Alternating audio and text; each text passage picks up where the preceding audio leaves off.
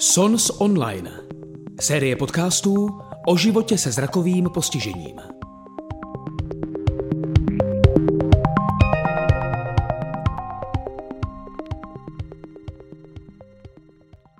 No a já už tady přivítám naše milé hosty, kteří přijali mé pozvání, respektive pozvání pana Příborského, který na základě jedné z našich minulých besed eh, pojal úžasný nápad popovídat si o Brailově bodovém písmu. Eh, všechny hosty, které dneska uslyšíme, tak pozval on sám, protože usoudil, že jsou to ti nejvíce povolaní, kteří nám mají o Brailově bodovém písmu nejvíce co říct. No a já to vezmu mimo pořadí, takže přivítám nejdříve dámy. Vítám paní Ivetu Langrovou, zastupkyni den. A, Dobrý den, jako zastupkyni a metodičku uh, výuky Brajlova borového písma a celkově asi uh, sociální rehabilitace v Tiflo servisu, říkám to správně? Je to tak, dobrý den, moc vás zdravím všechny. Tak, přivítám Kabilu Koncovou, která je tady dnes jako zástupkyně nebo uh, no, asi kolegyně paní Daniely Tampy, která je vedoucí Zory, která měla být původně tady dnes s námi, ale bohužel má nějaké uh, povinnosti mimo republiku, takže povolali Kamilu Koncovou jako externí redaktorku Zory. Zdravím tě, Kamilo. Dobrý den, zdravím. Tak dále vítám pana Příborského, strůjce dnešní besedy. Dobrý den a děkuji moc paní Hance, že slyšela na moji výzvu. Já jsem za ní velice vděčná. Pane Příborský, já když jsem se dívala, co všechno vlastně vy máte, jak to říct, co vše vy jste pro nevidomé a, a lidi slabozraké v oblasti uh, pomoci vytvořil, je toho velká spousta. Co nej, více týkajícího se toho Braillova vodového písma, tak je to samozřejmě vaše metodika k výuce. Slabikář a čítanka, je to tak? Je to tak, ano. Troufl no jsem za... si na, tu, na tuhle věc a zatím to funguje, teda aspoň si to myslím a e, Ivetka nám to možná potvrdí nebo vyvrátí. Mm-hmm. Já jsem zároveň se dočetla, uh, že jste byl uh, dříve uh, vedoucí Tiflo servisu v Olomouci, Tiflo centra, zároveň teď jste předseda oblastní odbočky v Olomouci.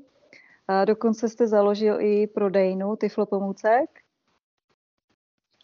Před 32 lety. a zároveň, zároveň jste aktivní i ve sportu a vůbec v naší problematice, takže za to děkuju a děkuji za to, že jste měl uh, tady ten nápad. Dále bych přivítala pana Rudolfa Volejníka. Dobrý den. Dobrý den všem a tak. doufám, že se nám beseda krásně povede, protože už i ten začátek vychází tak, jak vycházet má. Takže eh, já vás tady vítám hlavně jako eh, tvůrce nové normy pro Braillovo bodové písmo. Samozřejmě také jako bývalého viceprezidenta SONS. Vy jste vlastně taky docela činný v těch zahraničních organizacích a ve spolupráci. Tak, dále zde vítám pana Radka Seiferta. Dobrý den. Dobrý den, děkuji za pozvání. Já jsem od pana Příborského dostala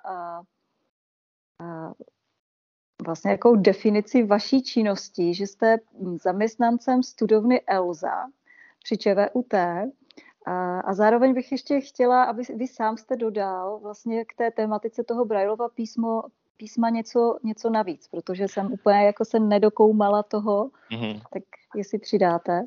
Já bych jenom uh, upřesnil, jedná se o středisko ELZA, které podporuje mm-hmm. studenty se zrakovým postižením a dneska už vlastně studenty s různými typy eh, postižení při studiu, především na pražském ČVUT.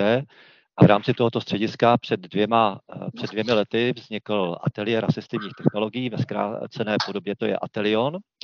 A to je vlastně sekce střediska, která se primárně zabývá servisem nikoli přímo pro klienty a studenty se zrakovým postižením, ale právě pro lidi, kteří s těmito studenty pracují, speciální pedagogy, eh, pracovníky SPC, eh, sociální pracovníky a další personál, který se s nevědomými setkává. No a samozřejmě, že tam ta problematika Braillova písma je velice žhavá, protože se týká nejenom těch, kteří třeba někdy v životě neviděli, ale právě i těch a možná, že především těch, kteří o ten zrak přišli později. A naše sekce Atelionu právě se zabývá především technologiemi speciálními, které jednak podporují technologie pro rychlý tisk a také pro tvorbu jaksi pro rychlou tvorbu hmatové grafiky, protože my považujeme v Atelionu hmatovou grafiku za řekl bych, druhou stranu téže mince. Prostě Braille a grafika pro nás jsou neoddělitelné věci. Ale k tomu se určitě mm-hmm. ještě později dostaneme. Dobře, tak děkuji vám za představení. A teď už tedy začneme. Jako první nám bude povídat pan Příborský. Tak pane Příborský, můžete začít, máte slovo. Ano, já si dovolím takovou historickou reminiscenci. Nebudu povídat o životopisech osobností, které zmíním. Budou ty osobnosti čtyři, ale jsou to osobnosti, které se zapsaly do dějin jako podstatné pro vývoj bodového písma. E, pokud jde o e, čtení a psaní nevidomých, dříve slepých lidí, tak bylo spousta pokusů začnu jenom zmíním kratince, eh, třeba klínové písmo, eh, vytesané třeba i do kamene, které mohli nevědomí hmatat, pak později eh, třeba reliefní latinka či číslice, ale už před mnoha desítkami nebo stovkami let bylo jasné, že tyto způsoby nejsou vyhovující pro čtení, pro fyziologii vlastně hmatu a hledali se cesty. A prokazatelně eh, prvním, kdo předložil eh, seriózní koncept bodového písma, byl italský mních Francesco Lana Terzi, který žil v letech 1631 až 1687 a v roce 1670 vydal eh, knihu, která se jmenovala Prodromo a vlastně eh, v té knize popisuje několik různých vynálezů a mezi nimi eh, také písmo pro nevidomé, které by se kterými se dalo vyučovat i ve školách. V té době školy ještě neexistovaly, ale on už předbíhal dobu a uvažoval tímto, tímto směrem. To jeho písmo je dokonce i v té knize zobrazeno. Pokud by se vám dostala do rukou a v tifloservisech, ta knížka je vývoj slepeckého bodového písma od doktora Smíkala, tak tam je obrázek tohoto písma, které se stává z několika linií, ale hlavně z bodů, které se už eh, nevidomými daleko lépe, které se daleko lépe hmataly než eh, reliefní eh, latinka. Bohužel není doloženo, zda někdo vyučoval nevidomé, ale on, on to měl hodně dopodrobna popsáno, měl dokonce i způsob, jak se toto písmo dá psát. Eh, dokonce několik způsobů.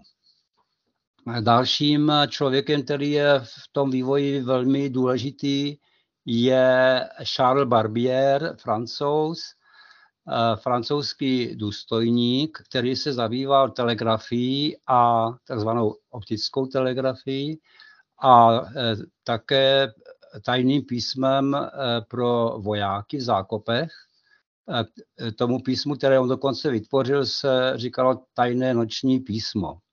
A tady bych upozornil, že jsem četl celou řadu publikací, včetně Wikipedie, kde je napsáno, že eh, tajné noční písmo, eh, že se jim vyučovalo i v Ústavu pro mladé slepce v Paříži, tak eh, to pravda opravdu není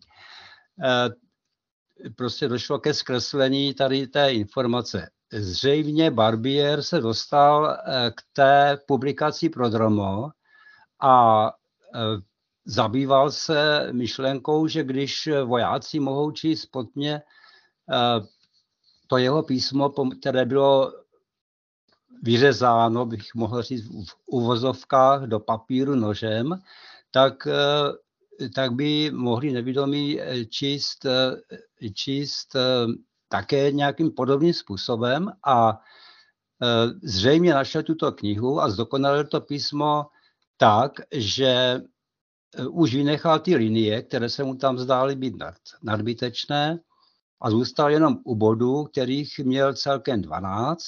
Ta jeho abeceda nectila vlastně pravopis, byly to, eh, byly to znaky pro fonetické vyjádření francouzského jazyka, neměl tam interpunkce, eh, nevím, jestli tam měl číslice. Je dokázáno, že toto písmo opravdu už pro nevidomé vytvořil v roce 1815. V roce 18 1919 předložil to písmo francouzské akademii a v roce 1821 jej předložil do, eh, v ústavu pro mladé slepce. Eh, setkal se s nepochopením tehdejšího ředitele, který také vytvářel písmo, ale to byla zjednodušená latinka reliefní a neměl proto prostě pochopení. Nicméně nějaké pokusy eh, se čtením a psaním tohoto písma tam byly. No a v té době, kdy eh, Barbier se pokoušel eh, uplatnit své písmo, už byl žákem tohoto ústavu také Louis Braille a je už známo, že v roce 1825, když mu bylo 16 let, vytvořil svůj systém, který vlastně byl zdokonalením písma Barbierova snížil počet bodů eh, v tom základním znaku z 12 na 6. No a eh, zeptám se jenom tak třeba paní Hanky, proč se neuplatnilo 12 bodů a uplatnilo se 6? Co vás napadá? No, že by to bylo složité a možná špatně hmatné, pokud by jich tam bylo tolik složité a hlavně špatně hmatné. Výborně, protože se eh, Braj přišel na to, že těch 12 bodů, a ne, asi nebyl sám, eh, neobsáhne bříško ukazováku nebo teda uh, prstů, které čtou. Takže snížil ten počet a zjistil, že i těch šest bodů stačí pro vyjádření všech znaků abecedy, včetně interpunkcí, čísel později, i, e, nebo vlastně souběžně i e, notopisu, protože on byl i hudebník a e, říká se, pravděpodobně to je pravda, že žáci v tom roce 1825 ústavu si sami vytvořili soutěž, jak, jak teda zapisovat noty a číst je a vlastně to byl hlavní motiv pro něho. No a on tímto způsobem přišel i na to, že, že se dá vytvořit celá abecera.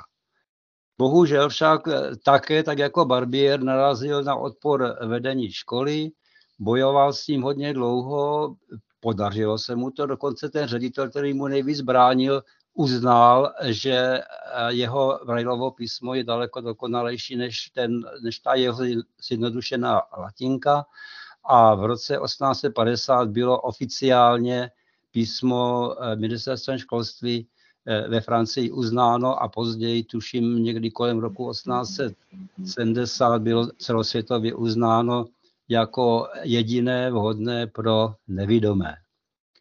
A ukončím eh, výčet osobností člověkem, který je vám všem hodně dobře znám, a to je Karel Emanuel Macan, který se zapsal nejen jako eh, tvůrce a zakladatel eh, knihovny, ale eh, i jako vlastně člověk, který přizpůsobil Brailovo písmo pro jazyk český a už v roce 1890 vytvořil slabikář v době, kdy se připravoval na učitelskou dráhu v Klárově ústavu, ve Vídni, tak v té době v té Vídni si nechal vytisknout slabikář a vlastně do Prahy se vrátil ze slabikářem a v Klárově ústavu a potom později i soukromně pro slepé vojny vyučoval eh, bodové písmo, no a šířil nejen bodové písmo, ale vůbec já jej pokládám i za Nestora sociální rehabilitace u nás.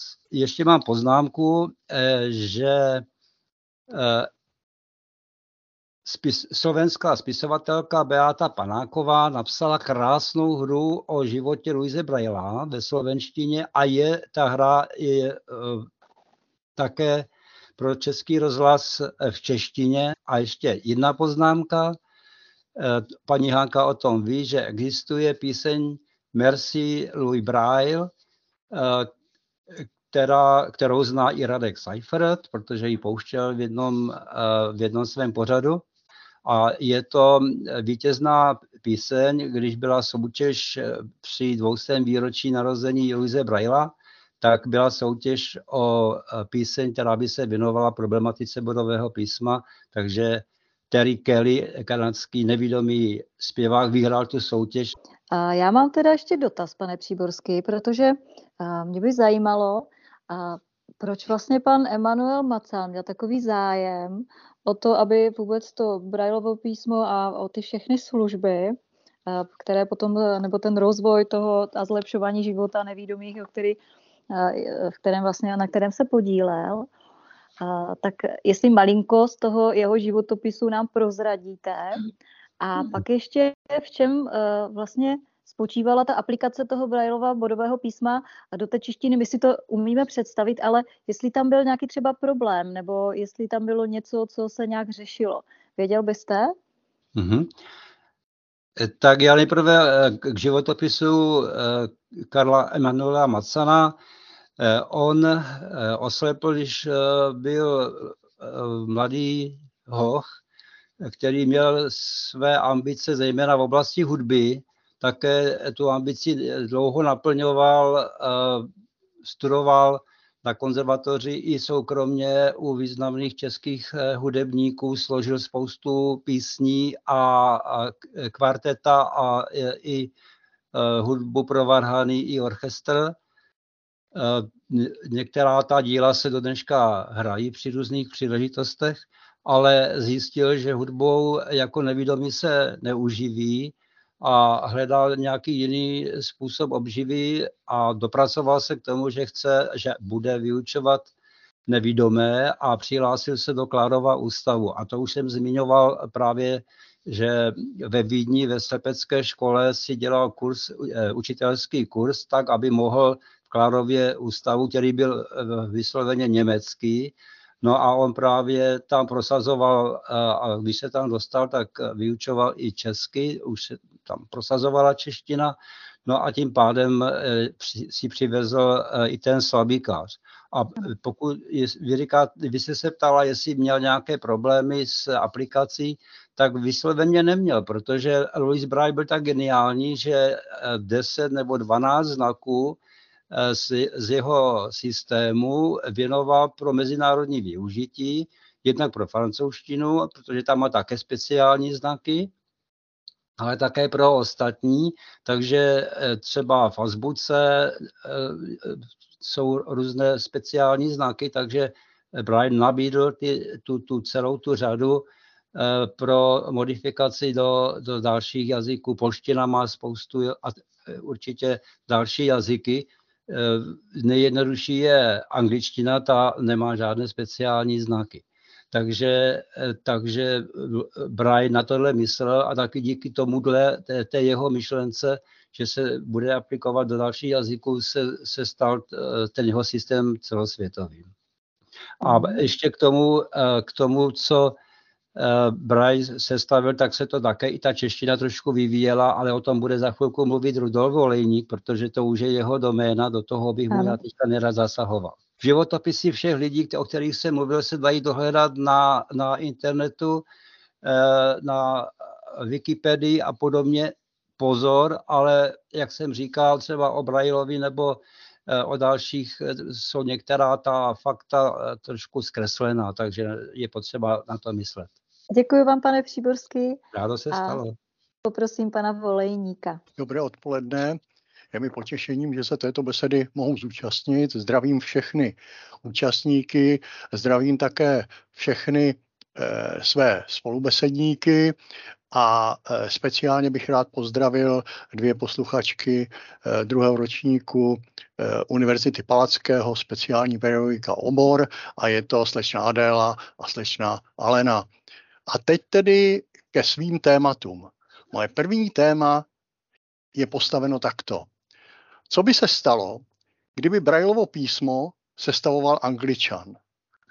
Brailovo písmo, jak víte, tak sestavoval francouz, ale stejně dobře se mohlo stát, že by ho byl sestavoval angličan. Je to kousek. Brailovo písmo má dohromady 64 kombinací, včetně mezery, z těch šesti bodů a e, 50 znaků je seřazeno do pěti řad. První řada se skládá ze znaků, které mají jenom čtyři horní body a poslední řada se skládá ze znaků, které mají spodní čtyři body. A ty prostřední řady jsou vlastně úplně stejné s tím rozdílem, že vždycky k těm horním čtyřem bodům se přidá ve druhé řadě bod 3, ve třetí řadě bod 3, 6 a ve čtvrté řadě bod 6. A my se soustředíme na tu třetí řadu, protože ta nás bude zajímat, když budeme chtít dokázat, jak by to bylo, kdyby byl eh, bodové písmo sestavoval angličan. Francouzská abeceda bez diakritiky, tedy bez těch stříček, eh, bez eh, čárek, jako máme my čárku, nebo čárek obrácených, potažmo bez dvojteček nad písmenem, tedy francouzská abeceda bez diakritiky má 25 písmen. 25 písmen, ano. Přičemž anglická abeceda je sice bez diakritiky, ale má 26 písmen. Je tam jedno písmenko navíc. A to je právě ten kámen úrazu. A my se na to teď podíváme. Eh, když si vezmeme třetí řadu, to znamená písmena od 21 do 25, tak normálně je to U, V, X, Y, Z ve francouzštině. U, V, X, Y, Z. Jenomže v té angličtině je to tak, že po V máme dvojité V a to je to písmeno navíc. Takže kdyby to byl sestavoval angličan, tak by se bylo dvojité V psalo jako dnešní X, X by se psalo jako Y, Y by se psalo jako Z a Z by se psalo jako české dlouhé Y. A celý by to bylo posunutý. Byli bychom na to zvyklí, protože prostě by to tak bylo od jak živa. Jenomže Brailleová varianta je daleko mazanější. Jak jsem říkal, francouzská abeceda má 25 bez diakritiky a dalších 14 s diakritikou. To znamená, dostáváme se do čtvrté řady, jo, v té čtvrté řadě nám začíná písmo 31 až 39 a ještě nám zbývá písmeno 40. A to písmeno 40 je písmeno české R anglické dvojité V. Takže to anglické dvojité V, na to bylo to poslední písmenko ze systému těch 50 znaků, takže tady ukázal francouz Braille angličanům, kde je jejich místo. Takže písmenko je prostě to poslední. Tak, eh, tím se dostávám ke svému druhému tématu. Proč jsme v České republice dělali novou normu? Eh, východisko tehdy bylo takové, že jak si to, jak se psalo a četlo, bylo uspokojivé. Vlastně poslední zásah větší do bodového písma byl ve 30. letech, kdy se změnil jeden znak za jiný znak, nebudu se eh, o tom více zmiňovat. Možná na tom měl podíl ještě i Karel Emanuel Macan, i když se to stalo tedy po jeho smrti. Nicméně pak už se s tím moc nic nedělalo a někdy v 70. letech jsme přijali velmi složitý, ale dokonalý sovětský systém popisu přírodních věd. Ano. A tam ty přírodní vědy e, byly dobře popsány, i matematika byla popsána, e, vydali jsme Česká republika vydala v té době k tomu skripta i s obrázkama. Prostě sovětský systém nezničitelný. Nicméně eh, přece jenom jako se leco změnilo a měli jsme k dispozici eh, jednu velmi dobrou expertku na přírodní vědy, tak jsme si říkali, přece jenom bychom si měli udělat nějaký svůj systém. Bylo to po eh, revoluci z roku 89. Prostě mělo to i tyhle ty, tyhle ty konotace a také jsme chtěli alespoň symbolicky přiblížit bodové písmo písmu běžnému. Je nám jasné, že to prostě není možné udělat tak, že by vypadalo bodové písmo jako běžné písmo. Vyzkoušeli jsme si, že to není optimální i pro hmatové vnímání v historii, takže vlastně to přiblížení je symbolické, nicméně důležité. Začalo se psát se s označením velkých písmen. To se dřív nedělalo. Ono to nemělo moc velký smysl. V bodovém písmu jsou všechna písmenka stejně veliká, nemají žádné ocásky, žádné nožičky, žádné podlinky, nic takového tam není a podstatě bylo zvykem psát všechna písmenka stejně tak, jak jsou. Problém někdy byl v tom, že když nevidomá osoba něco psala potom v běžném písmu, tak nevěděla, kde to velké písmeno dát a kde ho nedat. To myslím, že neví i spousta lidí, kteří vidí prostě proto, že je v tom trošku zmatek i dneska. Už proto, že v České republice i po celém světě je tady velký, velký vliv toho univerzálního jazyka, té angličtiny a když něco se mi líbí, tak to prostě napíšu s velkým písmenem. Němci to mají jednodušší, ti píší s velkým písmenem úplně všechna podstatná jména, takže tam je to opravdu tak jednoduchý, že by se v tom bodovém písmu nemuseli psát velká písmena vůbec. Ale byla tady, eh, byly tady určité znaky, které zkracovaly eh, některé eh, vlastně dvě dvě hlásky. Jednou bylo české ch, které se psalo opravdu jedním znakem, ačkoliv v běžném písmu se píše jako CH s přeškovým spravopisem. A potom tady bylo dvojhláska OU, která se také psala jedním znakem, to jsme také zrušili.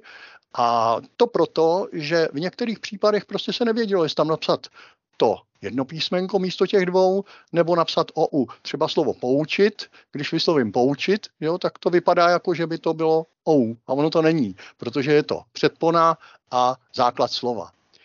Dalším problémem byl dvojité V, které se psalo dokonce dvěma znaky a to už vůbec bylo nepřijatelné. My jsme ovšem ten znak, který se v češtině používá pro ř, nemohli jako dvojité V použít, eh, protože prostě ř je hláska velmi frekventovaná. Takže na rozdíl od Slovenska, kde se takhle psalo dlouhé R, prostě nešlo to.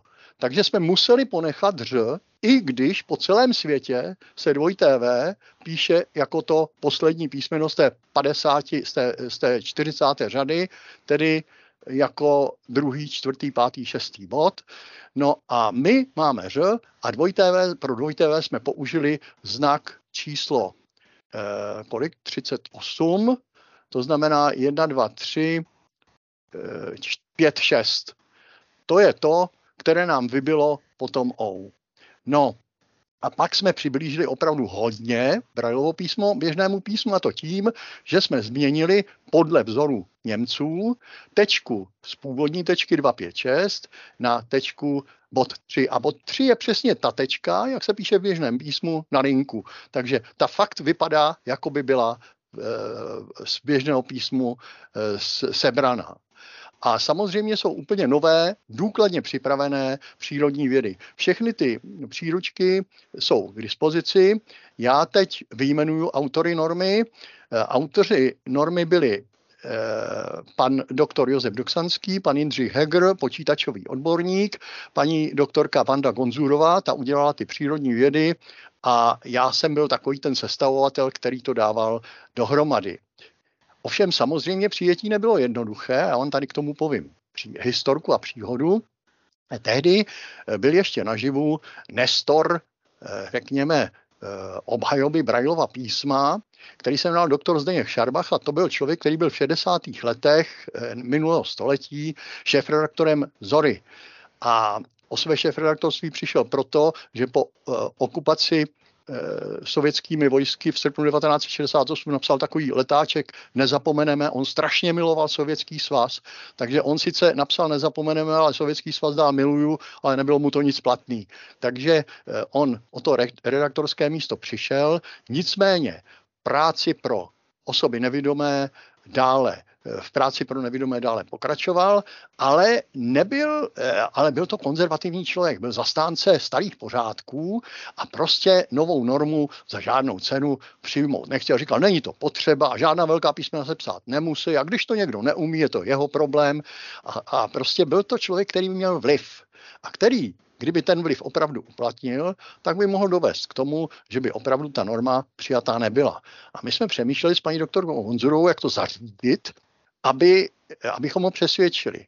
Tak jsme koupili dvě lahve vína, Dohodli jsme se s ním na schůzce, protože proto on byl ochoten a vždycky byl schopen se jak si domlouvat diskusi. Navštívili ho, jsme ho v jeho krásném bytě na Starém městě Pražském, kde žil se svojí partnerkou, taky takovou velmi váženou osobou Maruš, Mařenkou Kaplanovou. Postavili jsme ty lahve na stůl a začali jsme diskutovat. On měl mechanický bralský psací stroj a teď jsme mu vysvětlovali to CH místo té jedné znaky a to OU a tak dále. A povídali jsme si, povídali, trvalo to celé odpoledne, no a když jsme odcházeli, tak jsme zde měli e, e, zastánce normy a neměli jsme problém. Takže norma nakonec byla přijatá 18. května 1995 na velkém zasedání ve škole Jaroslava Ješka na Pražských Hračanech, kde se sešli eh, všichni aktéři, kterých se to týkalo, počínaje tiskárnou a knihovnou, knihovnou pro nevidomé a konče ministerstvem školství. Takže ministerstvo školství tehdy slíbilo, že zaplatí normu. To je nějakých 300 tisíc. To je docela dost peněz. Nikdy tento slib nedodrželo, až byla norma zaplacená v roce 2015 eh, knihovnou a tiskárnou pro nevidomé, když už byla knihovná a tiskárna pro nevidomé eh, eh, zařízením Ministerstva kultury, takže na to dostali nějaké peníze. Co ale norma nezahrnuje? Je to už že jo, nějakých téměř 30 let a samozřejmě, že bude potřeba s tím trošku něco udělat. Nezahrnuje nové znaky například a nezahrnuje hlavně osmibod, osmibodové písmo. A v současné době se eh, jak si eh, Brailleovo písmo, podobně jako běžné písmo, eh, rozvíjí velmi bouřlivě a na mnoha frontách. Já tady uvedu příklad velmi takového spodného rozvoje. Existuje taková skupina lidí, která se zabývá anglickým bodovým písmem a která provádí různé reformy.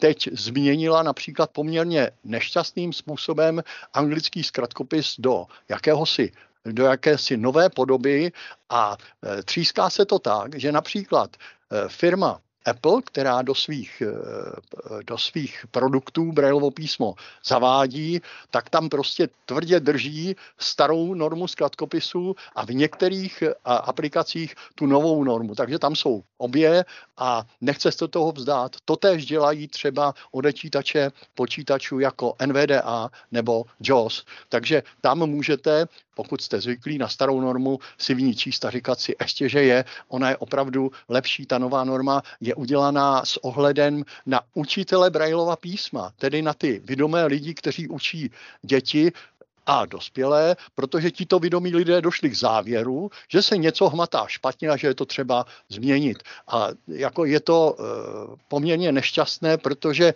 to, jak se něco hmatá a co je třeba změnit, by měli, nebo bylo by náležité, aby o tom rozhodovali osoby nevědomé, které tím vrávým písmem čtou, nikoli ti, kteří to učí. Ale prostě tak to je. Jo. Takže naším úkolem v, naši, v současné době je třeba dodefinovat ten osmi bod, a e, pracuje se na tom tedy na světě, v České republice se do toho e, nejspíš velmi brzy pustíme. Na Slovensku už na to mají státní komisi, tak už na to mají asi trochu nějakých státních peněz. My e, zatím to u nás nemáme, ale já myslím, že pokud budeme mít dostatek energie a dostatek přesvědčovacích argumentů, takže opravdu dojdeme nakonec k tomu, že i u nás se třeba s tím osmým bodem, osmi bodem budeme za, zabývat používat velmi, velmi intenzivně. Zatím je to tak, že české tabulky v systému LibLuis, což je takový evropský systém, jsou poměrně dobře s malými nedostatky zavedeny jak v JOS, tak v NVDA, e, to myslím na ten osmi bod, tak v Appleovských aplikacích. U toho Apple to bylo poměrně složité, tam jsme museli skutečně velmi, velmi bojovat, aby to udělali, protože oni nám řekli, nás zajímá pouze to, co je napsáno na internetu a tam jsou ty znaky jinak. Jo, tak jsme jim uvedli jednu tištěnou publikaci, kterou vydala Perkinsova škola pro nevidomé v Anglii, která je tištěná, to znamená, je to publikace, na kterou by se mělo spoléhat. A teprve tehdy Apple to uznal a už se tam píšou správně procenta, a už se tam píše správně, já nevím, dolar, a už se tam píše správně zavináč, jak v 6 bodů, tak v 8 bodů. Eh, jaká je budoucnost borového písma? Já to moc dobře nevidím, jo? protože už dávno není hlavním zdrojem informací. Už dávno ne. Většina lidí opravdu pracuje s hlasem. A příčinou podle mého soudu ani není ten hlas jako to, že ve většině případů se jedná o poměrně pomalé čtení. Já nevím, čím to je. Jo? To ví spíš Honzik Příborský nebo eh, magistra Langrová, protože oni se zabývají prostě těmi, tím hmatovým vnímáním. Já hmatové vnímání chápu jako učitel čtení s optakonem, kde pracujeme s daleko širší e, plochou prstu než u borového písma. Jak na to nahlíží jeden z nejlepších propagátorů borového písma Národní federace nevidomých, to je americká bojovná organizace. Ti říkají, že lidé mají číst hodiny, hodiny, hodiny denně a když budou číst 6, 7, 8 hodin denně, tak pak budou číst rychle. Uh, já mám zkušenost jinou, čtu borové písmo uh, nějakých 65 let a Poprvé v životě před, já nevím, nějakými čtyřmi lety jsem měl nepatrnou hmatovou indispozici. A v tu chvíli jsem četl hůř než mý spolužáci ve škole. Jo? A v tu chvíli jsem si uvědomil, jak ten hmat přesně na tom místě, kde to má být, je prostě důležitý. A ve chvíli, kdy tam prostě přesně na tom místě není, tak kdybyste se snažili sebe víc, tak ta nevědomá osoba číst prostě nebude dobře, bude číst pomalu a nebude číst nikdy knížky. Eh, teď jsem nedávno slyšel takový pořad, eh, moje skupina, eh, která se učí anglicky, už si ho také poslechla, kde se mluví o tom, že v Británii začíná růst počet čtenářů bodového písma, což je patrně dáno tím, že je daleko snaží manipulace s materiálem. Oni totiž už si knížky nepůjčují, ale vždycky si knížku objednají, oni jim jednu tu knížku vytisknou do takových malých sešítků. No a když tu knížku dočtou, tak si ji buď někam v těch sešítcích schovají, anebo ji prostě vyhodí, recyklují. Ano. Nicméně v tu chvíli si bude číst daleko víc lidí. V Británii prostě už to tak je. Tady u nás zřejmě se na to taky nabíhá. Zeptám se paní ředitelky knihovny na tiskárny. Na závěr bych chtěl jenom říct, že tady existuje ještě spousta dalších témat, která nejsou e, náležitě proskoumána. Například je to rychlost čtení na dlouhých a krátkých řádcích. Myslím teď na elektronický braille, co je výho, e, vý, výhodnější. Elektro, elektronická a neelektronická grafika, o tom tady bude mluvit pan magistr Seifert. Potom e, psací vybavení žáků na základních školách v inkluzi. Tam je opravdu napováženou, že ty děti tahají ty velké mechanické bralské psací stroje. Samozřejmě, že to výhodné není, daleko výhodnější by bylo, kdyby měli malé elektronické zápisníky, který, které váží 20 deka. E, další výzkum hmatového vnímání bralového písma ve vztahu k efektivnějšímu čtení. Pořád ještě nevím, v čem je úplně zakopaný pes, jak zařídit to, aby se lépe a rychleji četlo. Můj příspěvek samozřejmě vyčerpávající není a já očekávám, že budu mít nějaké dotazy. Děkuji vám za pozornost. Tak já vám děkuji za eh, spoustu zajímavých informací.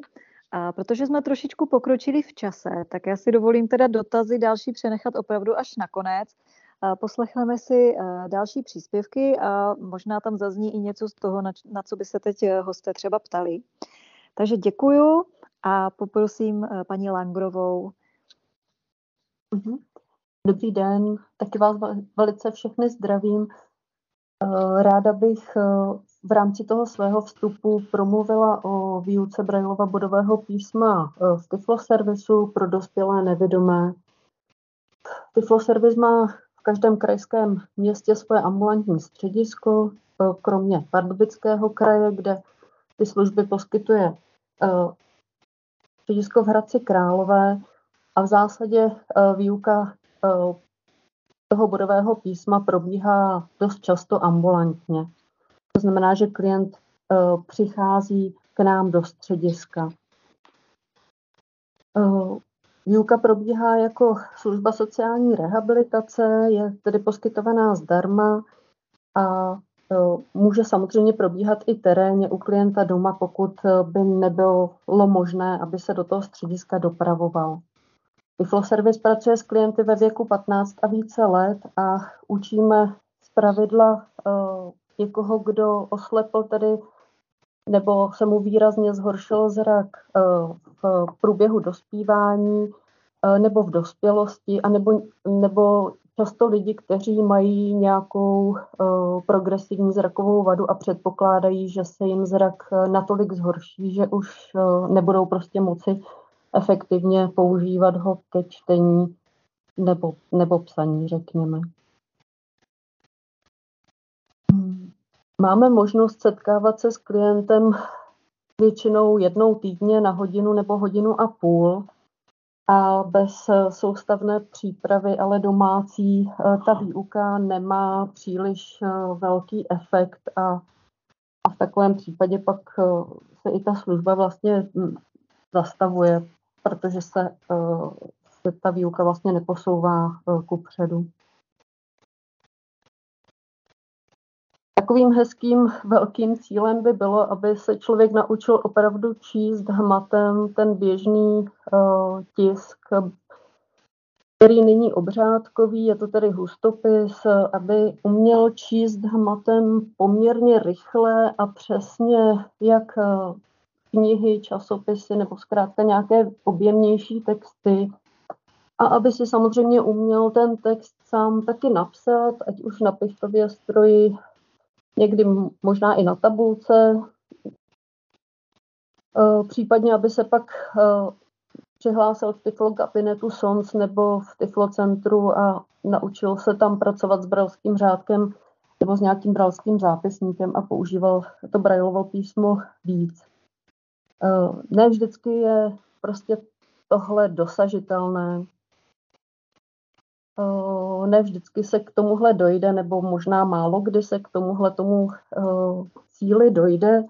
Někdy možná stačí umět si přečíst kratší nápisy, umět si označit některé věci v domácnosti a pomocí vlastně takových řekněme, nižších uh, dovedností ve čtení si je umět zkrátka přečíst nebo vytvořit a používat je.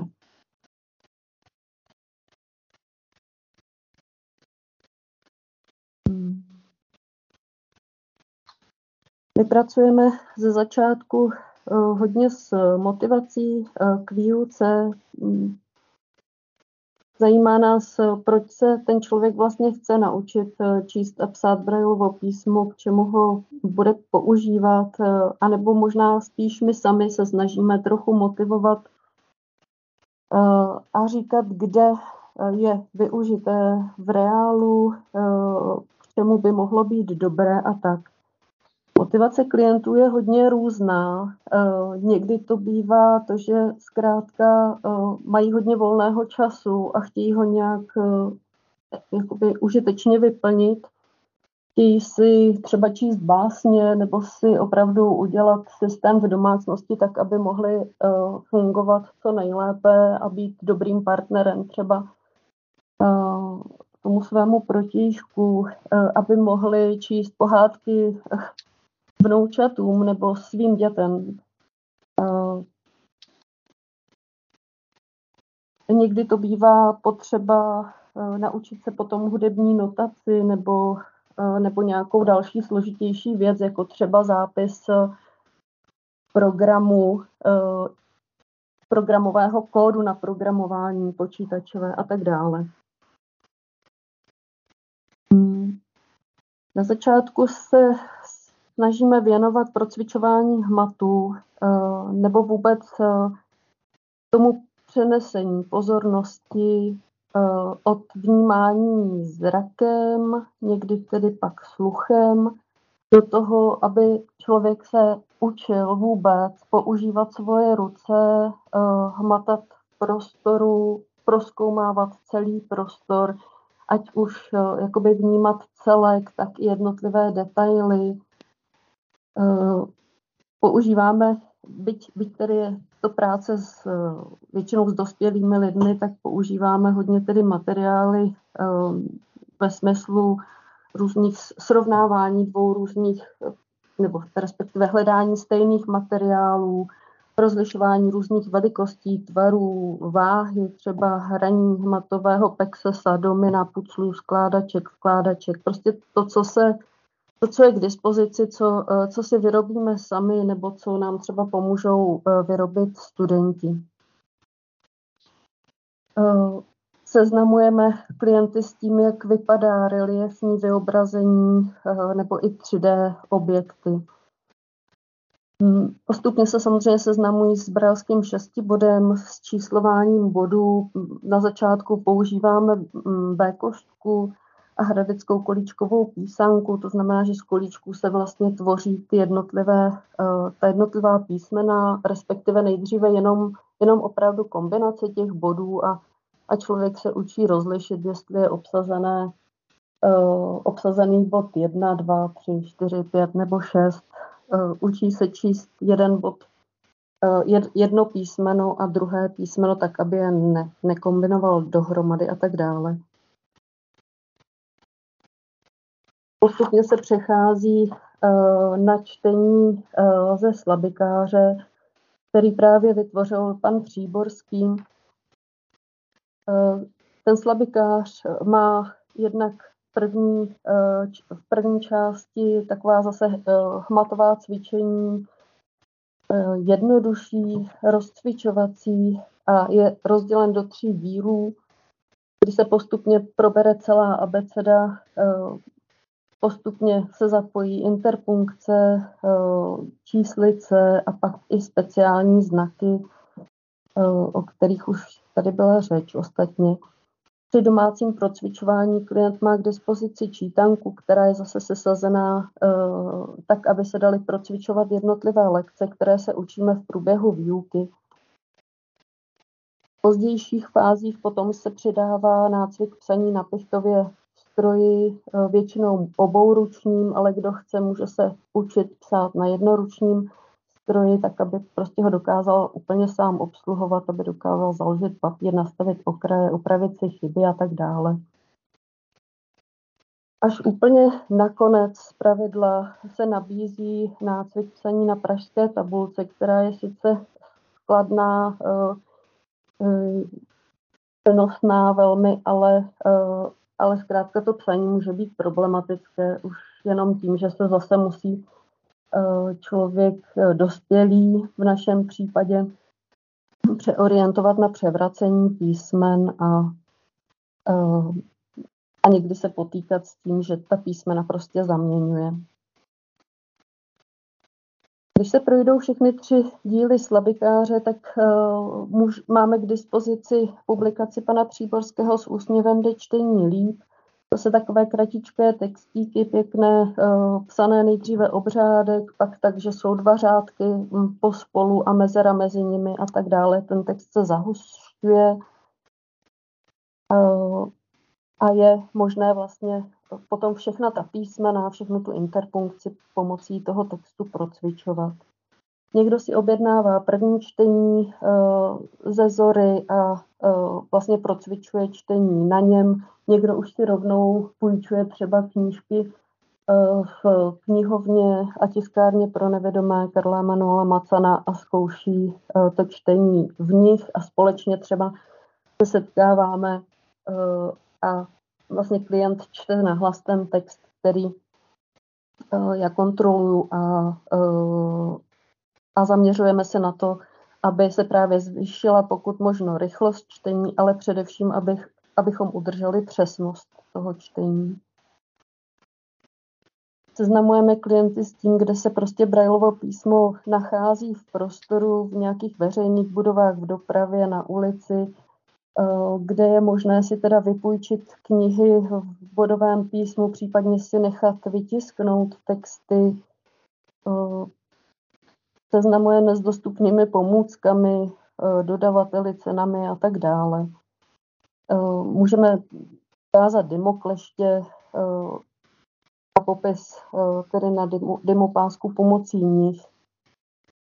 Já úplně nakonec Eh, bych chtěla zmínit eh, jednu, eh, jednu takovou specialitu, která nebývá úplně známá, a to, že mi přijde, že Braillovo bodové písmo je prostě úplně geniální ve chvíli, kdy člověk buď nevědomí, který Braillovo písmo zná, nebo i možná nezná, ztrácí sluch. Eh, a nebo naopak, pokud máme eh, třeba mladíky s Asherovým syndromem, kteří jsou neslyšící od narození a mm, v dospívání začínají výrazně rychle ztrácet zrak, tak potom, a pokud tedy umí pracovat s psaným textem, eh, rozumějí slovům, tak, tak pak prostě naučit se číst a psát Braillovo písmo mi přijde skvělá věc, protože zkrátka okolí jim může psát uh, do počítače uh, svoje sdělení a oni si ho mohou přečíst na brelském řádku. Prostě si ho nemohou poslechnout hlasovým výstupem. A Braille se dá psát i do prstů. Přímo, když jsou ti dva lidé vedle sebe, dá se psát do ukazováčku a prostředníčku ruky, jakoby se stiskávat ta jednotlivá jednotlivé články prstů eh, tak, jak jsou body v jednotlivých písmenech Braillova písma, anebo se dá psát, psát v uvozovkách tak, eh, takzvaně do prstů, to znamená, že ty dvě osoby, které spolu komunikují, ehm, se vlastně dotýkají navzájem tří prstů každé ruky a ten jeden vlastně stiskává ty prsty toho druhého tak, jako by psal eh, na pichtově stroji. Tohle to jsou uh, způsoby komunikace, které jsem viděla kdysi uh, několikrát na konferencích pro hluchoslepé a uh, Zkrátka je to jedna z možností, jak se dá komunikovat, jak se pak i v takové těžké situaci, kdy člověk ani nevidí, ani neslyší, dají informace si jak poznačit, tak je, tak je přečíst velmi, velmi dobře. Děkuji za pozornost. Tak děkujeme za příspěvek. Já teď poprosím Kamilu Koncovou, která nám bude eh, povídat o propagaci Braillova bodového písma prostřednictvím vzory. Ano, dobrý den, slyším vás a doufám, tak. mě. tak, takže eh, Kamilo, máš slovo. Abych se jednak chtěla představit, jsem tady vyslaná za redakci Zoru, za Danielu Tampy, která je, jak už bylo řečeno, v zahraničí. Um, beru to jako velkou um, čest, ale zároveň jako velkou zodpovědnost, tak eh, předem eh, doufám ve vaši eh, určitou schovývalost, kterou budete mít. Um, Vlastně trochu bych navázala na to, co tady říkala paní Langrová v několika věcech. Jedna, která bych jako krátce chtěla schrnout, co je hlavním důležitým úkolem redakce a vlastně důležitou součástí edičního plánu, je právě propagace čtení Braillova písma, která má být vlastně cel, celkově tématem mého příspěvku. A v rámci propagace se redakce snaží už eh, dlouhá léta vydávat eh, poměrně dost časopisů v Braillově písmu. Čtenáři si ho mohou číst buď samostatně, anebo s ním pracují ve skupinách. Například eh, nyní jsem začala pracovat s časopisem Kontakty pro žáky druhého, nebo pardon, redigovat časopis Kontakty pro žáky druhého stupně a zajímalo mě, jak vlastně ty eh, kontakty potom jsou v praxi využívány, než jenom tím, že si je třeba někdo sám doma přečte. Tak jsem obvolala několik SPCček a byla jsem příjemně eh, překvapena, že časopis využívají eh, v některých právě SPC eh, při setkáních s klienty ke společnému čtení, luštění kvízu a podobně. Ehm, pak bych ráda zmínila eh, časopis První čtení pro lidi ztrácející zrak v dospělosti, kteří se rozhodnou Brailleovo písmo naučit. Samozřejmě všichni to nejsou, někteří s tím ani nezačnou, ale o to více si cením já osobně jako nevědomá od narození těch, kteří s tím začnou a dotáhnou to někteří i tak daleko, že si čtou ty hustě psané knihy. Nicméně časopis první čtení je obřádek psaný a redakce má zpětnou vazbu od čtenářů, kterým fakt, že v rámci výuky bodového písma ehm, se dopracují až k přečtení celého uceleného časopisu, eh, dělá dost velkou radost a je pro ně, může být pro ně i zábavou. Já bych tady chtěla trochu schrnout vlastně přínos ehm, nebo význam psaného a mluveného textu, i když jsem nějak naznala, že tady je dost lidí, kteří jsou zrakově postižení a tyto přínosy asi vnímají, tak zkrátka byla jsem pověřena. Um, tak nejdřív téma obecně psaného a mluveného textu. Uh, ráda bych tady konstatovala, že vidící člověk se s psaným textem setkává mnohokrát za den, zcela přirozeně, mimo děk, doma i venku, a to prostřednictvím různých nápisů, samozřejmě obalů, reklamních eh, panelů a podobně. Na všem je něco napsáno. I ten, který vůbec nečte vlastně literaturu a podobně, se stále setkává s psaným textem. A i při práci na mobilu či počítači stále vidí ten psaný text. Ne jako člověk nevědomý, který mnohdy čte poslechem. Mnohdy, ne vždycky doufám.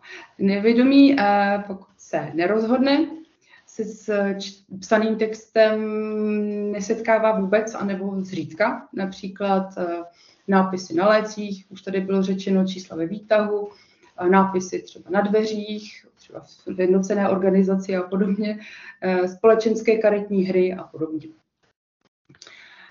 Um, možná se to neposlouchá, neposlouchá mnohým snadno, nicméně pokud člověk vůbec nečte, to znamená, myslím tím opravdu ten, tentokrát aktivně uh, se jaksi neprobírá psaným textem, tak se do jisté míry rozhodl pro poloviční, poloviční negramotnost. A místo psaní text diktuje, mnohdy, pokud se třeba jedná o komunikaci na sociálních sítích nebo přes e-mail, SMS-kami a podobně, na klávesnici sice mnozí lidé píšou, ale zapisují tak, jak slyší, takže gramatické chyby se tam můžou vyskytovat a chyby způsobené diktováním jsou nejen gramatické, to určitě mnozí z nás i zaslechneme, pokud takový eh, text diktovaný čteme. Mnohdy i sama po sobě ty texty musím hodně opravovat. Eh, při diktování hm, není možnost vlastně zpětně dopisovat, vracet se, opravovat, a pouze buď celý text nebo část smazat a nebo zapisovat stále dál, díky čemuž je text eh, nestrukturovaný. Samozřejmě je rozdíl mezi nevídomým eh, od malička a tím, kdo přišel o zrak v dospělosti. Eh, při ztrátě zraku nelze od každého požadovat, aby se budové písmo učil, to je pochopitelné pro ty, kdo se bral písmo, ale učit o, na, o základní školy od narození, je třeba nejen ho umět, ale i podle svých možností se co nejlépe si osvojit plynulé čtení a naučit se práci s textem, včetně orientaci v textu a potom schopnost vyhledávat na stránce nebo přímo v celé knize kapitolu a název e, kapitoly nebo části. Pokud jde o čtení, je bez sporu, že čtení Braillova písma, už to tady bylo řečeno od několika přispěvatelů, je, je ve srovnání s poslechem um, namáhavější a, a pokud ho dost, eh, dotyčný nepoužívá pravidelně, je práce pro něj natolik pomalá, že od ní upustí. Já si pamatuju, že hlavně já jsem teda vychována nebo vzdělávaná v inkluzivním prostředí z části a zrovna v té největší puberty jsem opravdu opouštěla dost, dost často. Naštěstí jsem se k němu vrátila, jsem tomu ráda. Um, je proto na místě dotyčnému, jeli to dítě nebo dospěl, dospělý, um, um, připomínat určité přínosy, které čtení psaného textu má. Při čtení je více prostoru pro vlastní eh, tempo, přestávky, porozumění psanému textu než u poslechu. Poslech umožňuje rychlejší přísun informací, ale rychlost, respektive množství přečteného není vše. Jde také o kvalitu, techniku, přijímání informací, udržení se v dělé pozornosti a podobně. Přece jen to čtení aktivní jako člověku eh, nedá tolik usnout, jako když poslouchá eh, snaží se zabavit něčím, aby neusnul. Pokud nejsme nadšení čtenáři, není třeba číst br- uh, brailovým písmem vše. Například jsou tu určité možnosti, uh, jak se potýkat s rozsáhlými mnohosvazkovými knihami, které v černotisku jsou uh, jednosvazkové, v brailu mohou být opravdu uh, záležitost o několika desítek kilograme, uh, kilogramech. Um, takže nepraktické. Eh, může být efektivní poslech se čtením brailovým písmem kombinovat. Vím, že zrovna teď jsem se nedávno bavila s eh, učitelkou ve speciální škole pro nevidomé v Neloritánské, která eh, má takovou praxi, že první polovinu té knihy nebo její větší část nechá lidi poslouchat eh, hlasovým, hlasovou syntézou, člověk se, nebo to dítě se dostane do dění a má větší motivaci si tu knihu dočíst, takže pak si ji půjčují z knihovny a dočítají si ji už eh, čtením, buď spolu, nebo každý sám. Načtené knihy, ať už hlasem herce nebo hlasovou syntézou, jsou už jaksi interpretovány, nějakým způsobem předneseny což můžeme nejvíc pocítit například u poezie. Vlastní čtení umožní vlastní interpretaci, kde to u té poezie opravdu je patrné asi nejvíce. Složitější texty, které zpočátku nečteme plynule, jako například cizojazyčné publikace, můžeme díky čtení barevným písmem procházet pomalu, vracet se a a tak dále. Samozřejmě si o toho, u toho osvojovat gramatiku toho příslušného jazyka a podobně. Mimo jiné, určitým přínosem je to, jak už tady bylo řečeno od eh, mé eh, předřečnice teď, že čtení rozvíjí hmat, který nevědomí přirozeně potřebují a upotřebují. Upevňuje, zr, upevňuje znalost pravopisu, zlepšuje tedy také schopnost lépe psát, důležitou pro uh, uplatnění a zaměstnání, to je bez pochyby. Samozřejmě člověk uh, není, není jenom schopen lépe ovládat gramatiku, ale i lépe ten text strukturovat, jak už bylo řečeno, napsat si e-mail, uh, odpovídat na něj a podobně. Při některých profesích je nezbytné Brailleovo písmo, například, i když i v dnešní době už lidé, kteří se nějakým způsobem zabývají hudbou nebo interpretují nějaká složitější, rozsáhlejší díla a mnohdy k té výuce používají notační programy v počítači, tak při výuce eh, notopisu eh, další své žáky určitě upotřebí právě jednak reliefní a jednak barelvo, barelský zápis.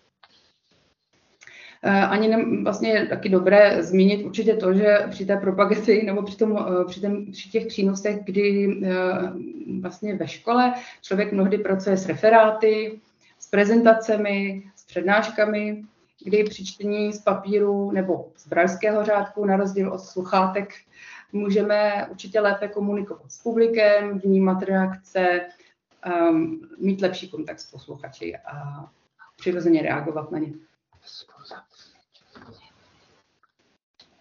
Uh, ještě bych tu zmínila možná jednu věc, a to je vlastně schopnost uh, zapamatovat si informace a učit se. Podle toho, jaký jsme, to je asi taková zemí fakt nepatří úplně sem, ale podle toho, jaký jsme, uh, vlastně, jaká jsme osobnost, si se můžeme zařadit do lidí auditivních, vizuálních či kinestetických, podle toho, jestli se učíme z viděného, ze slyšeného, nebo, nebo jestli nám učení pomáhá se pohybovat a v těch situacích se jako vyskytnout. Um, a myslím si, že není úplně um,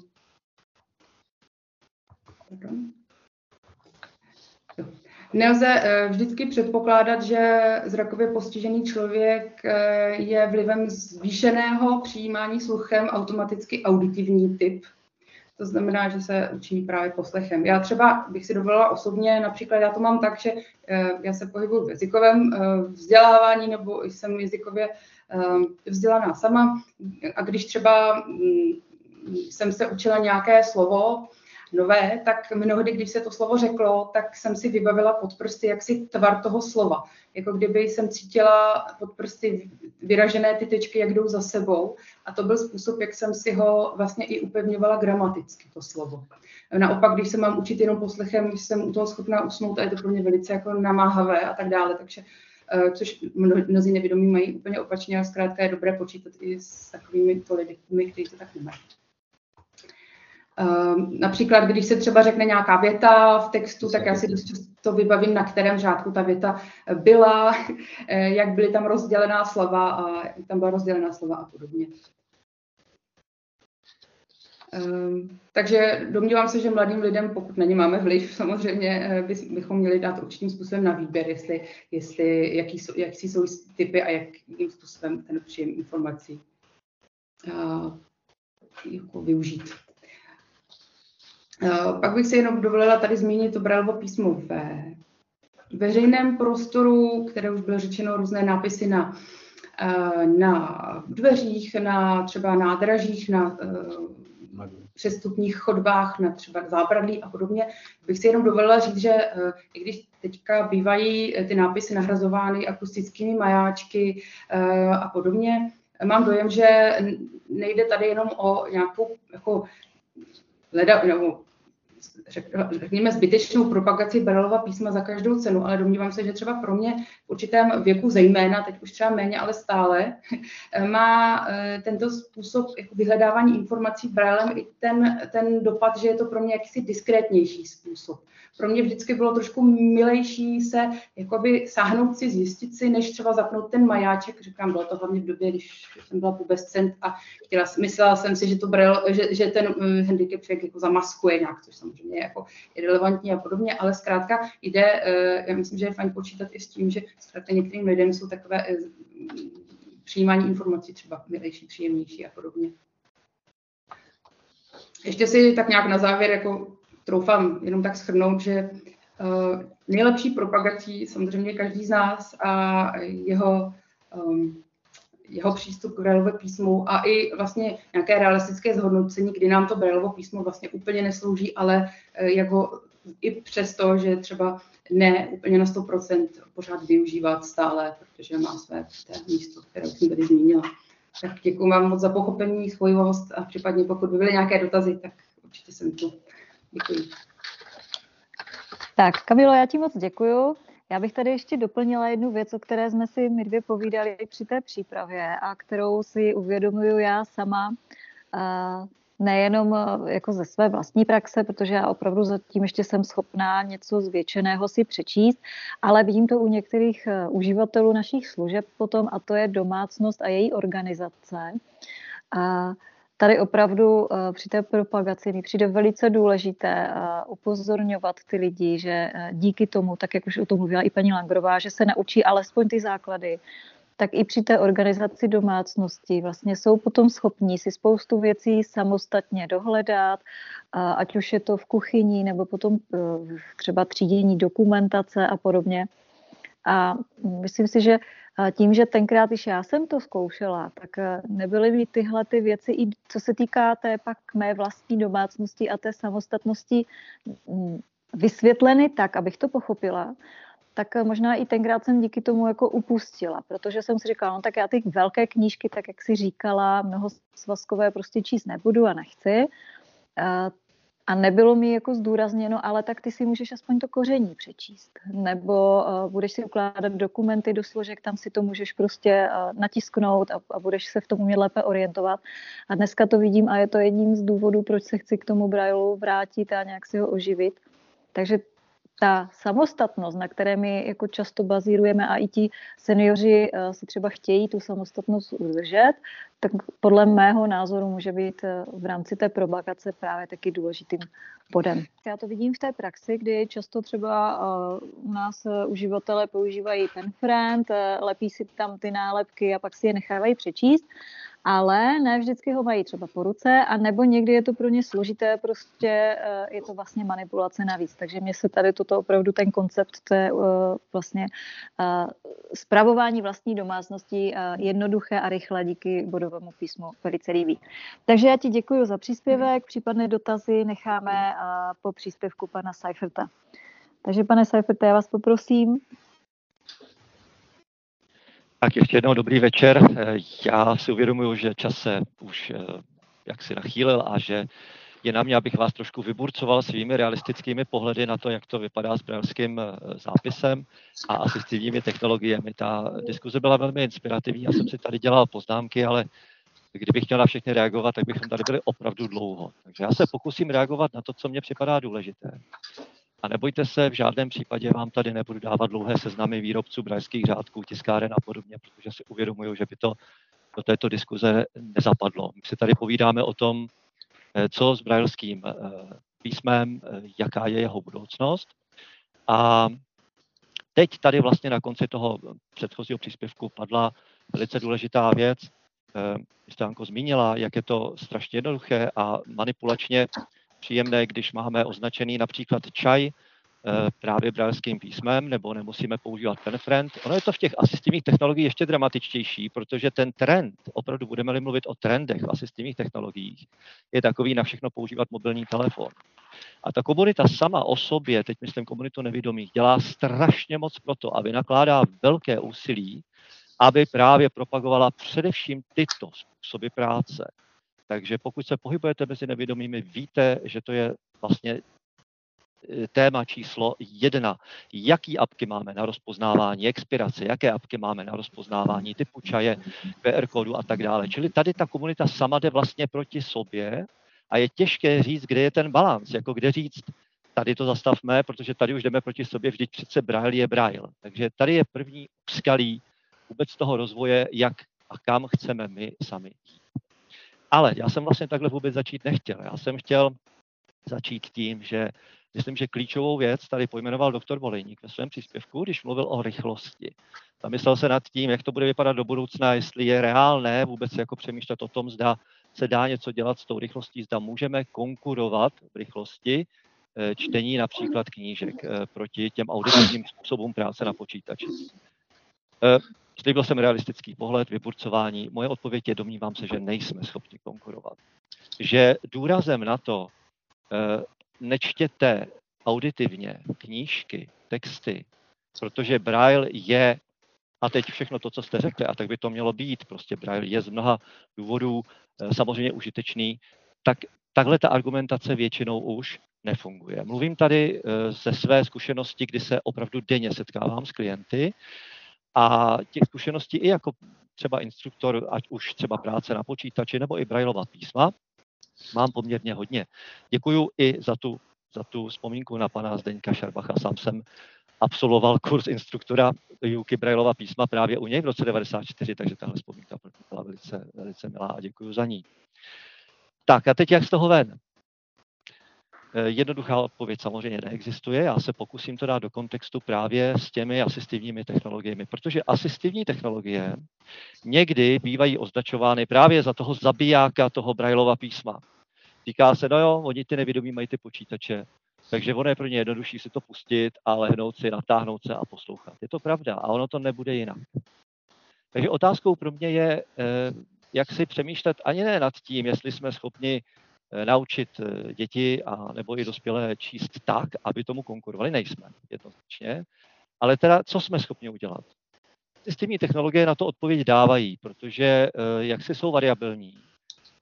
Já se o tom tady ještě zmíním, nabízí celou řadu nejrůznějších produktů, které právě tady jsou pro podporu toho Braillova písma, ale my je jakoby nevidíme. My je máme tendenci vnímat velice izolovaně. O čem mluvím? Mluvím o tom, že ten klíč není v té rychlosti, ale spíše v tom, eh, co eh, lidé budou číst, eh, tedy nikoliv jako jak čtu, ale co čtu. Čili je celá řada materiálů, kde ta rychlost nehraje roli, kde skutečně ten braille je vlastně pro nás jenom pomůckou k tomu, abychom ho měli, dejme tomu, ve formě nějakých podkladů, poznámek a tak dále. A to, že bych měl přečíst, dejme tomu, knížku za nějakou rozumnou, rozumnou dobu, abych se u toho úplně neuvařil, už pro mě není tak důležité. Takže eh, není to protimluv, že člověk, který se třeba zabývá asistivními technologiemi, má doma počítač, má mobil a eh, i další technologie, prostě pořád může využívat Braillovo písmo velice efektivně právě tím, že například, a teď mluvím z vlastního příkladu, pokud se nyní momentálně třeba chystám na konferenci do Varšavy, tak rozhodně věřte tomu, si dokonce sebou nevezmou ani brailský řádek, který má dneska autonomní funkce, ale ten program si vytisknu v Braillově písmu.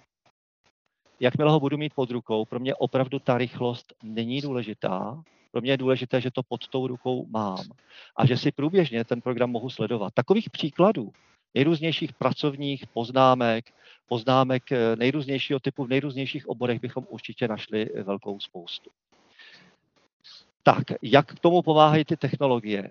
Um, Nemusím asi tady se zmiňovat o tom, že takovou základní pomůckou v té oblasti technologií je brajerský řádek, takže asi všichni víte, o čem mluvíme. Já jsem slíbil, že nebudu mluvit o tom, jak se vyvíjejí, jaké jsou, jaké se nabízejí, to si všechno můžete dohledat, není to tak podstatné. Co je podstatnější, je to, že trendem v poslední době je rozhodně brajerský řádek, který funguje autonomně. Čili ta autonomita je věc, která může výrazně na pomoci právě opět k tomu návratu k Braillově písmu. Dokud sedíte u počítače a ten počítač je e, stacionární a ten brailský řádek je pevně kabelem připojený k tomu počítači, tak prostě, co si budeme říkat, takhle nikdo nebudeme číst knížku, takhle si nebudeme číst možná ani ty materiály. Prostě ta tendence mít to sebou, sednout si pohodlně, sednout si v tom prostředí, kde potřebuju to Braillovo písmo používat, je, eh, tak ten klíč je samozřejmě v tom, jako mít zařízení, které je, je, je mobilní, které s, takto funguje. A já si myslím, že tenhle trend je naprosto v pořádku. Uh, druhý trend, uh, brailleské tiskárny. Uh, mě velmi mrzí, že vlastně po mnoha, mnoha letech, kdy brailleské tiskárny máme k dispozici v nejrůznějších podobách, Eh, pořád jakoby ten jejich potenciál shledávám jako velice, velice málo využit. Eh, proč? Protože právě brailské tiskárny jsou eh, schopny produkovat ten zajímavý text. Já jsem řekl, není důležité, aby, nebo ani dokonce bych řekl, není to ani záhodné, abychom jako chtěli po těch nevědomých, aby četli ty kvanta. Už to tady taky padlo, že doporučení je čtěte pětkrát, šestkrát eh, nebo pět, šest hodin denně. Já se taky domnívám, že tohle není cesta. Eh, já si právě spíš myslím, že cestou je mít k dispozici technologie, které vám umožní ve velice rychlém čase produkovat zajímavý a hlavně aktuální text. Protože je to pěkné, že máme Zoru, a je to velký přínos, že máme celou řadu časopisů, které se vydávají pořád v Brailu, máme knihovnu, ale to nestačí. Pokud chceme, aby nevědomí četli, musí dostat méně textu, ale zajímavého, aktuální. Přitáhnout je prostě k tomu, eh, že to, co čtu, prostě není eh, pro mě už prostě něco starého, není to něco, co já budu číst dlouho, ale je to něco aktuálního a není toho moc. V tom právě ty brajevské tiskárny můžou být velice podstatné, protože kdyby je skutečně instituce pro nevědomé využívali eh, více, tak máme tady k dispozici eh, buňky, které jsou velice rychle schopny reagovat právě na to, co ty nevědomé zajímá. Prostě mám tady nějakou webovou stránku, ze které si chci vytvořit eh, nějaké poznámky, čili rychle si to zpracuju, dejme tomu do nějakého textového souboru a požádám si v místě bydliště nejbližší buňku, kde tiskárna je, prostě aby mi to vytiskla a nějakým způsobem buď zaslala nebo předala. To je servis, který já tady eh, postrádám a jakoby pořád ty brailské tiskárny jsou spíše výsadou právě nějakých středisek a specializovaných center a asi nemusím zmiňovat, že koupit tiskárnu samo o sobě nestačí. Vždycky u toho musíte mít nějaký personál, který je schopný velice rychle a efektivně právě tyhle ty tiskárny obsloužit tak, aby skutečně ty tiskárny a tady si troufnu říct, chrlili eh, to, to eh, prostě velká významná množství právě toho, toho aktuálního, aktuálního obsahu. Pak se domnívám, že když nebudeme nabízet jenom knížky a časopisy, ale budeme právě nabízet i nějaký zásadní rozsah aktuálních informací, produkovaný právě díky asistivním technologiím, jako jsou tiskárny, tak zase máme další nástroj k tomu přitáhnout lidi zpět. A teď se dostávám k tomu klíčovému, abych nemluvil dlouho, a to je hmatová grafika. Tady to zaznělo, ale opravdu zase jenom velice, velice stručně. Já bych to chtěl rozšířit. Hmatová grafika, už jsem řekl na začátku, je pro nás v podstatě součástí téže mince. Brailské písmo a hmatová grafika se neuvěřitelně doplňují. Hned dvěma způsoby. Kamila to zmínila, prostě hmatová grafika eh, rozvíjí eh, hmatové vnímání. Stejně jako Braille. Dokonce je možné, že právě jednoduchá hmatová grafika je, by měla být jakýmsi předskokanem před tím, než ten člověk začne vnímat ten poměrně jako už složitější zápis brajlského kódu. Prostě jako k tomu se musí dostat přes eh, jednoduché tvary, grafické, prostě přes vnímání tohoto typu.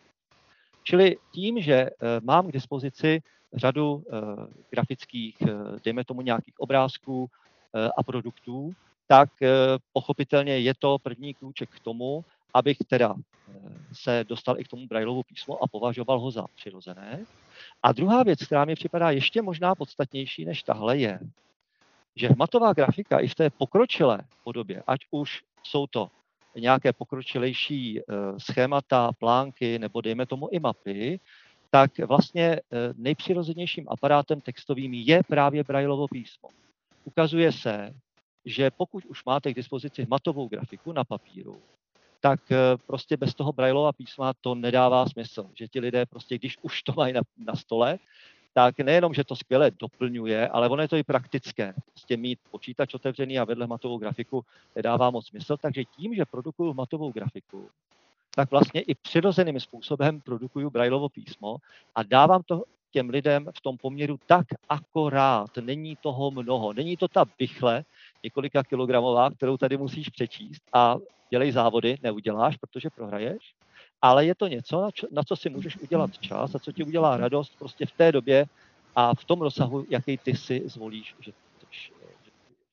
Prostě to je druhá poznámka. A s tím zase souvisí ty asistivní technologie, protože uh, asistivní technologie už tady uh, mnoho, mnoho let nabízí některé produkty, které dokáží s tou matovou grafikou pracovat velice efektivně na kancelářské úrovni. To znamená, my už dneska nepotřebujeme nutně vyrábět publikace, které jsou finančně náročné, kde potřebujete mít grafiky, kde potřebujete mít obrovské finanční prostředky k tomu, abyste udělali takovou publikaci, rozmnožili ji a podobně.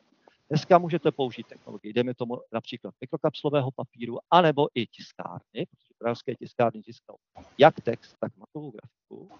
A pokud se tyhle ty technologie použijí v kancelářských podmínkách, to znamená, že obvykle vlastně k té produkci nepotřebujete ani nějaké velké odborníky, Eh, tak eh, v tom okamžiku prostě máte k dispozici další produkty, které se doplňují a které můžou velice rychle na tom trhu začít fungovat efektivně. Mám radost, že například se Zorou jsme v tomto školním roce právě my v Atelionu spolupracovali na tom, aby právě eh, příloha kontakty nenabízela jenom text, ale i matovou grafiku a vlastně připravovala tak trošku čtenáře na to, že i ta hmatová grafika může být aktuální, může se týkat prostě věcí, které se dějí kolem nich a doufám, až to spolu budeme eh, nějak vyhodnocovat, že eh, to není věc, která by byla jednorázová, ale že se snad ukáže i další možnost, jak na tohleto do budoucna navázat. Takže to je důvod, proč o té hmatové grafice mluvím a na Honzu Příborského bych řekl, v té své eh, poznámce na začátku, kterou učinil on, nebo kterou jste vlastně Vyhankou učinila, že on je vlastně autorem toho slavikáře. Já říkám, to je skvělá věc, kež by takový slavikář právě hmatové grafiky fungoval vedle toho dohromady. To znamená, ten člověk rozvíjel právě jenom to písmo, ale právě ruku v ruce s tím rozvíjel i přístup té hmatové grafice. Protože stejně jako to Braillovo písmo, i tu hmatovou grafiku, já prostě musím být schopen se naučit, musím ji postupně vnímat. Nemůžu rovnou dostat do ruky například haptickou mapu, ale předpokládá se, že předtím se s tou hmatovou grafikou setkávám na všech úrovních, eh, které jsem vlastně jako člověk, ať už od narození, anebo později osleplý, podnikl. Tak, teď jsem to na vás vychylil, a samozřejmě mám tady ještě celou řadu poznámek, které se týkají těch asistivních technologií, ale nejsem si jistý, že úplně souvisí právě s tím, o čem dneska mluvíme. Takže bavit se o tom, že Braillovo nebo brajlské funkce se dneska využívají právě v těch mobilních telefonech, že se ukazuje, že ergonomicky je to jako velice výhodné vlastně používat právě ten brailský vstup, dejme tomu při psaní na mobily, tak to je zajímavá věc, ale doufám si říci, že spíše expertní. Spíše expertní. Napadá mě taky, že samozřejmě se nabízí celá řada dalších věcí, které se dají používat při těch domácích, při těch domácích rutinách a které s tím brailem taky, taky souvisí. Ale jak říkám, to už, o tom už tady vlastně byla řeč, takže nevím, jestli by mělo smysl se tak dál, dál šířit. Takže zhrnu to už jenom tím, že kdybych to měl dát do nějakých jednoduchých bodů, tak domnívám se, že nejde o to číst rychle a hodně, ale spíše méně a bez nutnosti řešit právě tu rychlost, což znamená přesunutí toho fokusu našeho z těch knížek a časopisů více k tomu aktuálnímu obsahu, který bychom byli schopni produkovat poměrně rychle právě díky těm asistivním technologiím. Domnívám se, že skvělý Eh, způsob, jak eh, dostat Braila blíž opět eh, k lidem, je právě ten vývoj, který vidíme v těch brailských rádcích. Znamená, můžeme je dneska používat autonomně a Naposledy možná ještě jenom řeknu takový paradox. My v asistivních technologiích už léta sledujeme takové ty trendy, které se snaží nám právě tu hmatovou grafiku přiblížit na speciálních, na speciálních displejích. Možná jste takové projekty viděli, oni se vždycky objeví, pak zase zapadnou.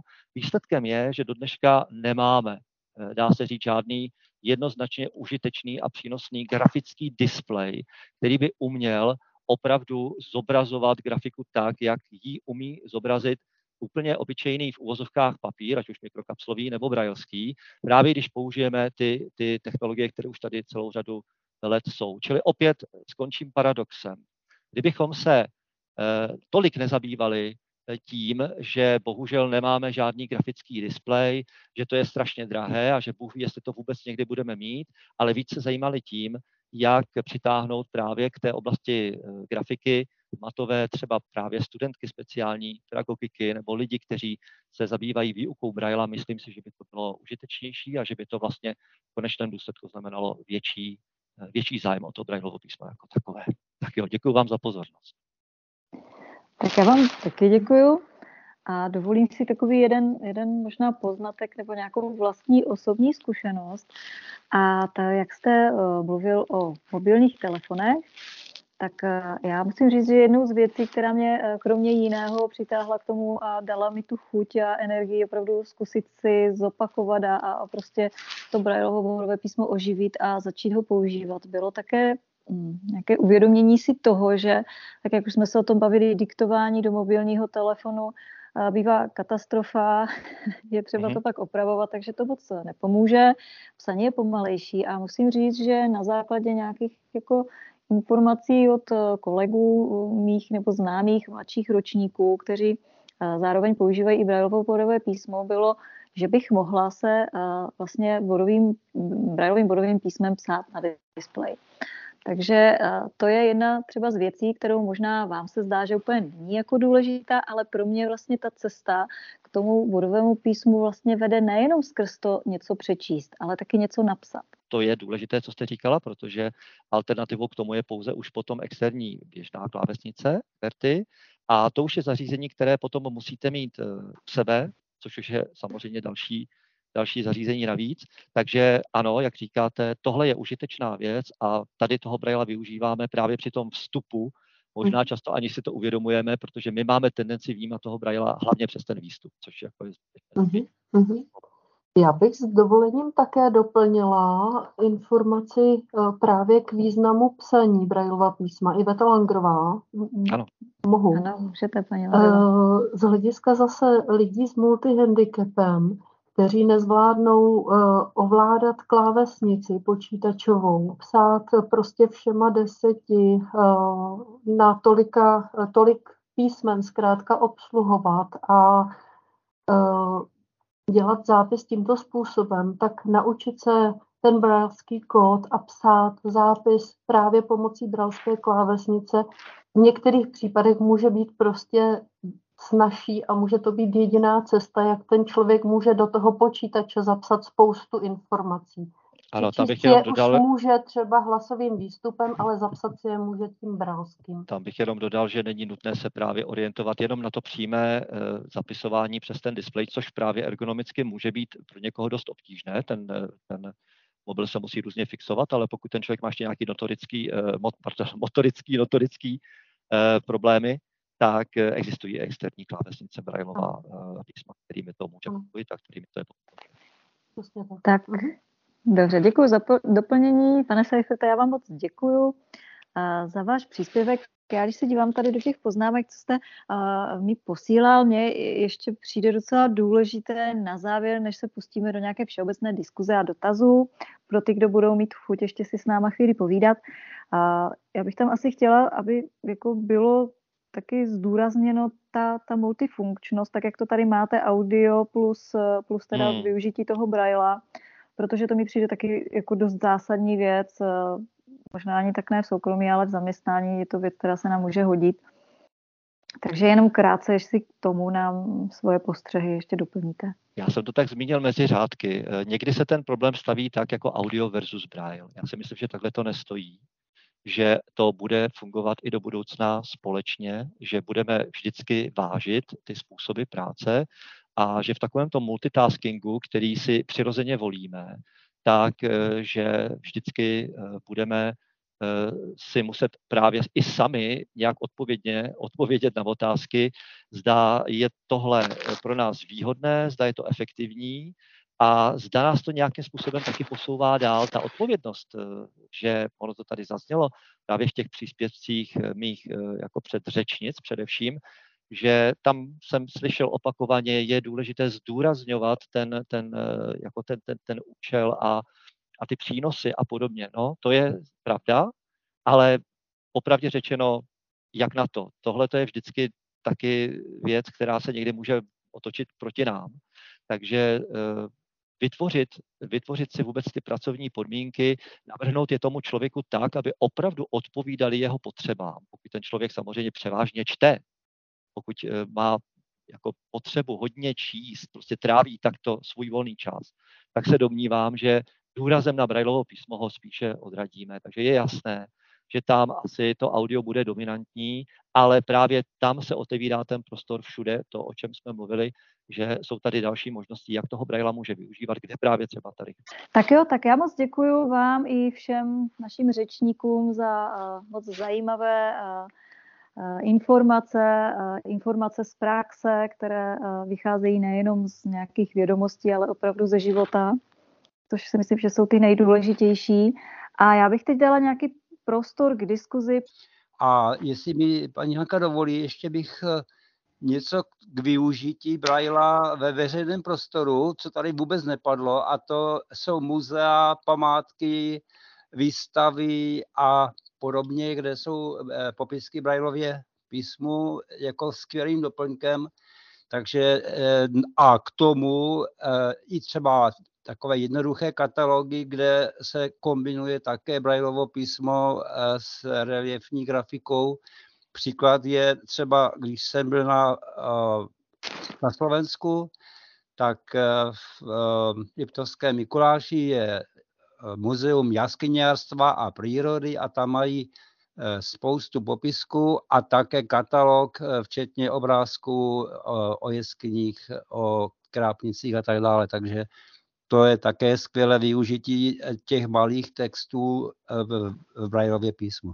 Tak jo, tak já vám všem moc děkuju. Děkuju za to, že jste přišli, že jste se ujali zodpovědně svých příspěvků. Pro mě to bylo velice zajímavé, jsem za to vděčná. A panu Příborskému ještě jednou děkuji za nápad a vám všem za ochotu přijít, věnovat svůj čas. A děkuji, mějte se krásně.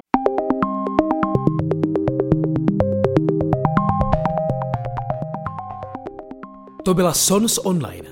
Náš pořad najdete ve všech podcastových aplikacích a na našem webu. Těšíme se na slyšenou.